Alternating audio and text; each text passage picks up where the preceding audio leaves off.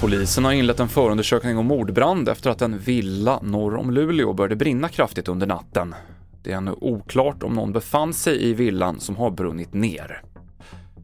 Totalt 15 människorättsorganisationer och frivilligorganisationer, bland dem Amnesty och Human Rights Watch, tvingas upphöra med sin verksamhet i Ryssland.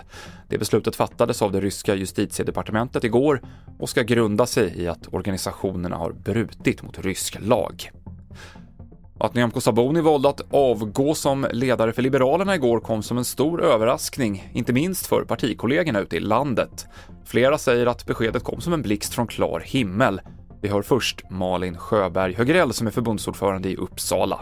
För mig var det en chock. Jag var inte alls beredd på att Nyamko skulle lämna besked om att avgå utan det, det, det kom som en chock. Ja, det kom fullständigt oväntat. Jag blev väldigt överraskad och förvånad.